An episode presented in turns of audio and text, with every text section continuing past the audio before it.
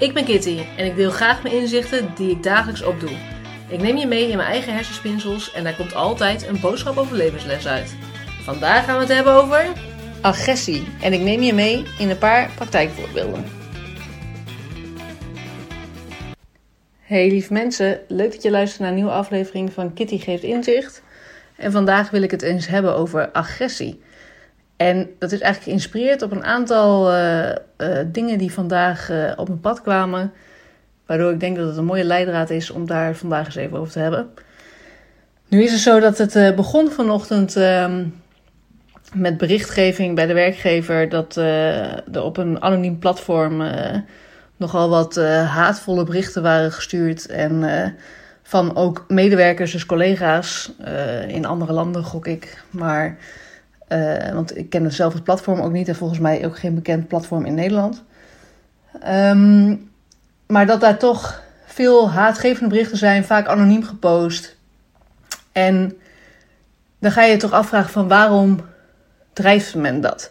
En nu is het zo dat ik uh, zelf ook wel eens mee heb gemaakt dat ik op Facebook op een zakelijk account uh, voor Kitty geeft inzicht. toen de tijd met mijn tarot readings uh, had ik een post geplaatst. En dat er dan vervolgens iemand is die dan uh, willens en wetens iedere keer overal op wil reageren in het negatieve. En op een gegeven moment uh, ging het gewoon zo ver dat ik die persoon ook uh, daarin dan geblokt had. En zelfs toen, op de een of andere manier, het is al een hele tijd geleden, dus ik weet niet meer precies hoe het, nou zat. Maar eh, zelfs toen dat er gewoon nog dagelijks dan, dus die persoon moest dan zelf echt actief gaan kijken op mijn profiel of er wat gepost was, om dan dat soort berichtgeving te doen. En ook dan moeten willen gewoon uh, hele slechte reviews en allemaal dingen zeggen die gewoon echt helemaal niet waar waren, die helemaal niet voor zijn gevallen, dat het helemaal niet gebeurd is. En dat je dan denkt van, waarom? Wat haalt zo'n persoon eruit om zo negatief mensen eigenlijk proberen kapot te maken die ze niet kennen? Tenminste, je gaat ervan uit dat, ik die persoon ook niet ken. Uh, dat dit gewoon iemand is die, nou ja, we noemen ze het volgens mij trollen tegenwoordig. Um, ja, die dan op internet gaan en dan leuk vinden om dan zelf een anoniem profiel te hebben. En vervolgens uh, overal over uh, te gaan klagen en ervan te genieten als je reageert ook. Want dan heb je ze helemaal natuurlijk. Dus vooral negeren. Um, maar moet, moet willen gewoon iemand of een bedrijf zelfs eigenlijk dan proberen kapot te maken. Met allemaal onwaarheden en uh, negativiteit. Dat je denkt, wat, wat haalt zo'n persoon daar dan uit, vraag ik me dan af. Want het levert je geen energie op. Um, je zou denken dat je er toch een schuldgevoel over krijgt. Dat je denkt van ja, ook niet heel aardig van mezelf. Maar dat is dan je geweten. Heb je dan geen geweten? Of is dat dan misschien nu te hard gezegd vanuit mijn kant. Ik vraag me toch altijd af wat mensen dan drijft. En dus ook wederom vandaag um, met die berichtgeving. Als het dan racistisch is en als het dan weer uh, zo vol haat en zo, dat ik denk: waarom zoeken mensen dat op? Waarom moet dat zo op die manier? Um, maar tegelijkertijd vind ik ook weer een scheidingslijn dat uh, ik een aantal dingen gelezen had uh, qua commentaren daarover. Ik was natuurlijk uiteraard nieuwsgierig. Die in mijn inzien zeker niet uh, racistisch waren, want het, het, ging daar helemaal niet over. Uh, maar het ging echt over pure dingen zoals dingen geregeld zijn. En um, dat je denkt, ja, maar dat is dan de waarheid van die persoon. Die ervaart dat zo. Dan mag dat toch ook zijn. Dus je mag toch ook wel nog steeds je mening hebben. En dat merk ik een beetje. Is een beetje een scheidingslijn tegenwoordig tussen um, het een of het ander. Het is altijd het uiterste bijna. Van of je, je houdt maar helemaal je mond, of het is uh, heel extreem.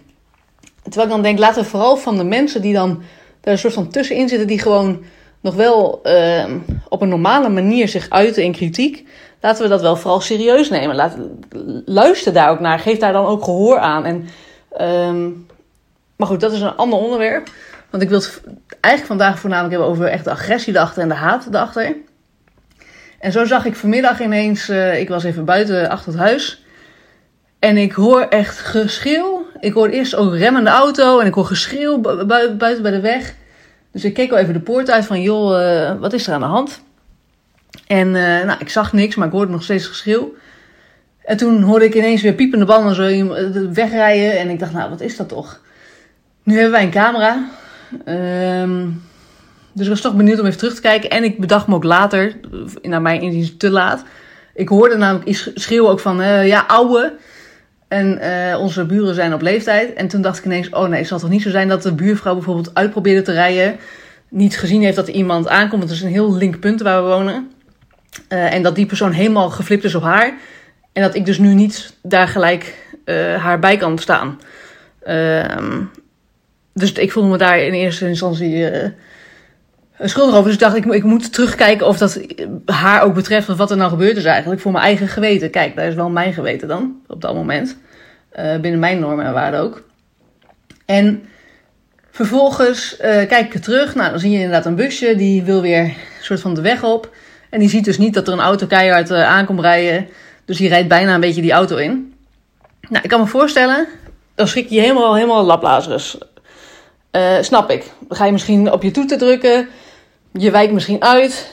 Uh, je bent boos, maar je bent. Meestal zijn de mensen dan, neem ik aan, in shock. En die denken dan van jeetje, wat is hier gebeurd? En uh, rijden ze eigenlijk al door voordat ze kunnen beseffen van wat er gebeurd is. Maar die persoon, die dus nou ja, aangereden werd bijna, om het zo maar te zeggen. Die was dus uitgestapt. En die begint gelijk, maar het was echt binnen één seconde stond hij al naast de auto. En schreeuwen en bedreigen. En voor die auto van die andere uh, man staan. En, en, en bijna de, naar de, de zijkant van de auto toe. En toen begreep ik later van mijn partner, die. Ik had gezegd van joh, moet je zien wat hier nou gebeurt. Ehm, die zei toen van ik hoorde ook iets van dat er een klein in de auto zou zitten. En toen dacht ik al helemaal van je dat is toch geen voorbeeld voor een kind. Maar het grappige is natuurlijk dat dat is mijn mindset. En dat is hoe ik in het leven sta en hoe ik vind van zo gaan we met elkaar niet om. En dan kun je nog zo geschrokken zijn, en er kan nog zo gevaarlijke situatie zijn. Die persoon in dat busje heeft echt niet, nou goed, 99% zeker, ik weet het natuurlijk niet zeker, is een aanname nog steeds. Maar ik ga ervan uit dat hij dat echt niet bewust heeft gedaan om daarop in te rijden.